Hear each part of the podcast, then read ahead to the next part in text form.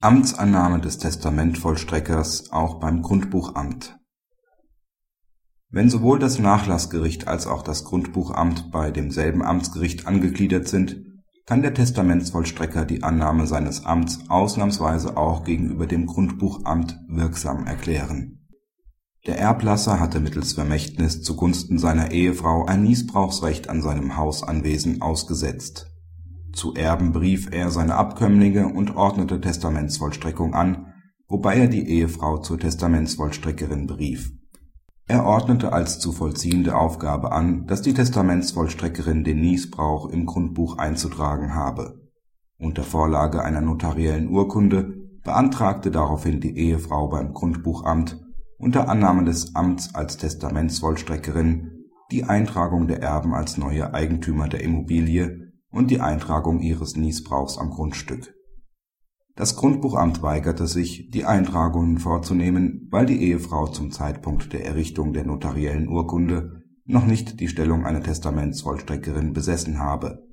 Sie hätte zunächst beim Nachlassgericht die Annahme des Amts erklären müssen, da zur Entgegennahme dieser Erklärung ausschließlich das Nachlassgericht zuständig sei dem trat das LG Saarbrücken nun entgegen und hob die ablehnende Zwischenverfügung des Grundbuchamts auf. Es lässt in seiner Entscheidung die Amtsannahme der Testamentsvollstreckerin, die in derselben Urkunde erklärt wurde wie die Eintragungsbewilligungen und Anträge, ausnahmsweise zu. Da das Nachlassgericht und das Grundbuchamt beide bei demselben Amtsgericht angesiedelt sind, stellen diese nur verschiedene Abteilungen desselben Amtsgerichts dar Daher ist es unschädlich, wenn die Annahmeerklärung beim Grundbuchamt als Amtsgerichtsabteilung formgültig mittels notarieller Urkunde erklärt wird. Bereits mit dem Erbfall beginnt die Testamentsvollstreckung, die durch die Annahmeerklärung in der Person der Ernannten zur Testamentsvollstreckerin lediglich konkretisiert wird.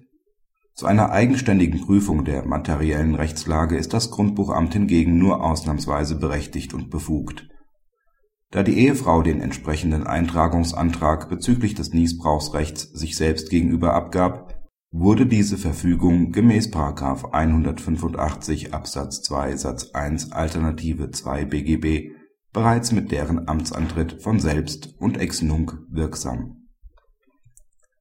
Praxishinweis Die Entscheidung durchbricht, soweit ersichtlich erstmals die strengen Vorschriften hinsichtlich der gerichtlichen Zuständigkeit für die Erklärung zur Annahme des Testamentsvollstreckeramts.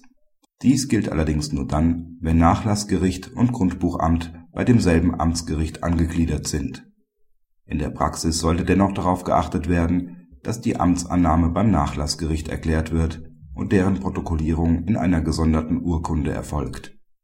Ob die Entscheidung des LG auf andere Abteilungen des Amtsgerichts außer dem Grundbuchamt, die bei demselben Gericht wie das Nachlassgericht angegliedert sind, ausgedehnt werden kann, ist mehr als fraglich